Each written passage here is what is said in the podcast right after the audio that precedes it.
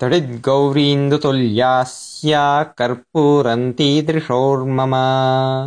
कान्त्या स्मरवधूयन्ती दृष्टा तन्वीरहो मया इति अष्टमः श्लोकः अत्र लुप्तोपमायाः कानिचनोदाहरणानि दत्तानि। तडिद्गौरी इति प्रथमस्य प्रभेदस्य उदाहरणं भवति। तडिद्नाम विद्युत् गौरी नाम श्वेतवर्णा।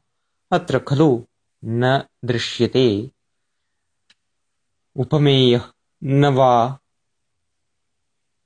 उपमावाचकशब्दः। उपमानं तु दृश्यते साधारणधर्मस्तु दृश्यते।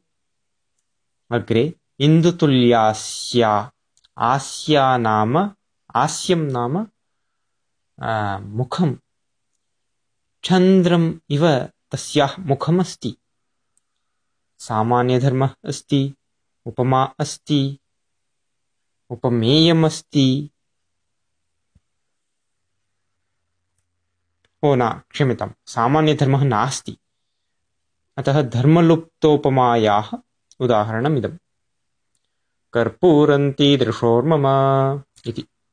अग्रिमम् उदाहरणं दृशोर्मम नाम मम नेत्रयोरग्रे कर्पूरन्ती अस्ति। नाम कर्पूरस्य इव शीतलतां प्रदर्शयति इति। शीतलतां प्रदर्शयति इति।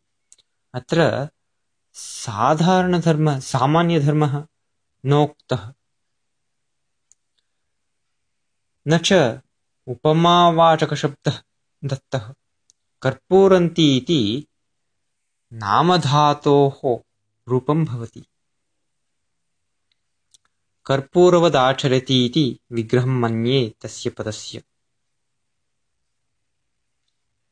कान्त्या स्मरवधूयन्ती इति अग्रिमम् उदाहरणं कान्त्या स्मरवधूयन्ति स्मरवधूः रतिदेवी रतिदेवी। तामिव आचरन्ती दृश्यते। कथमिव तादृशम् आचरन्ती दृश्यते? कान्त्या तादृशी दृश्यते। अतः साधारणधर्मः उक्तः उपमानमुक्तं न चोपमेयः न वा उपमावाचकशब्दः दृष्टा दृष्टा तन्वी रहो मया। रहो मा नाम रहसि सा दृष्टा। एकान्ते दृष्टा सा सुन्दरी तन्वी इति कविरत्र उदाहरति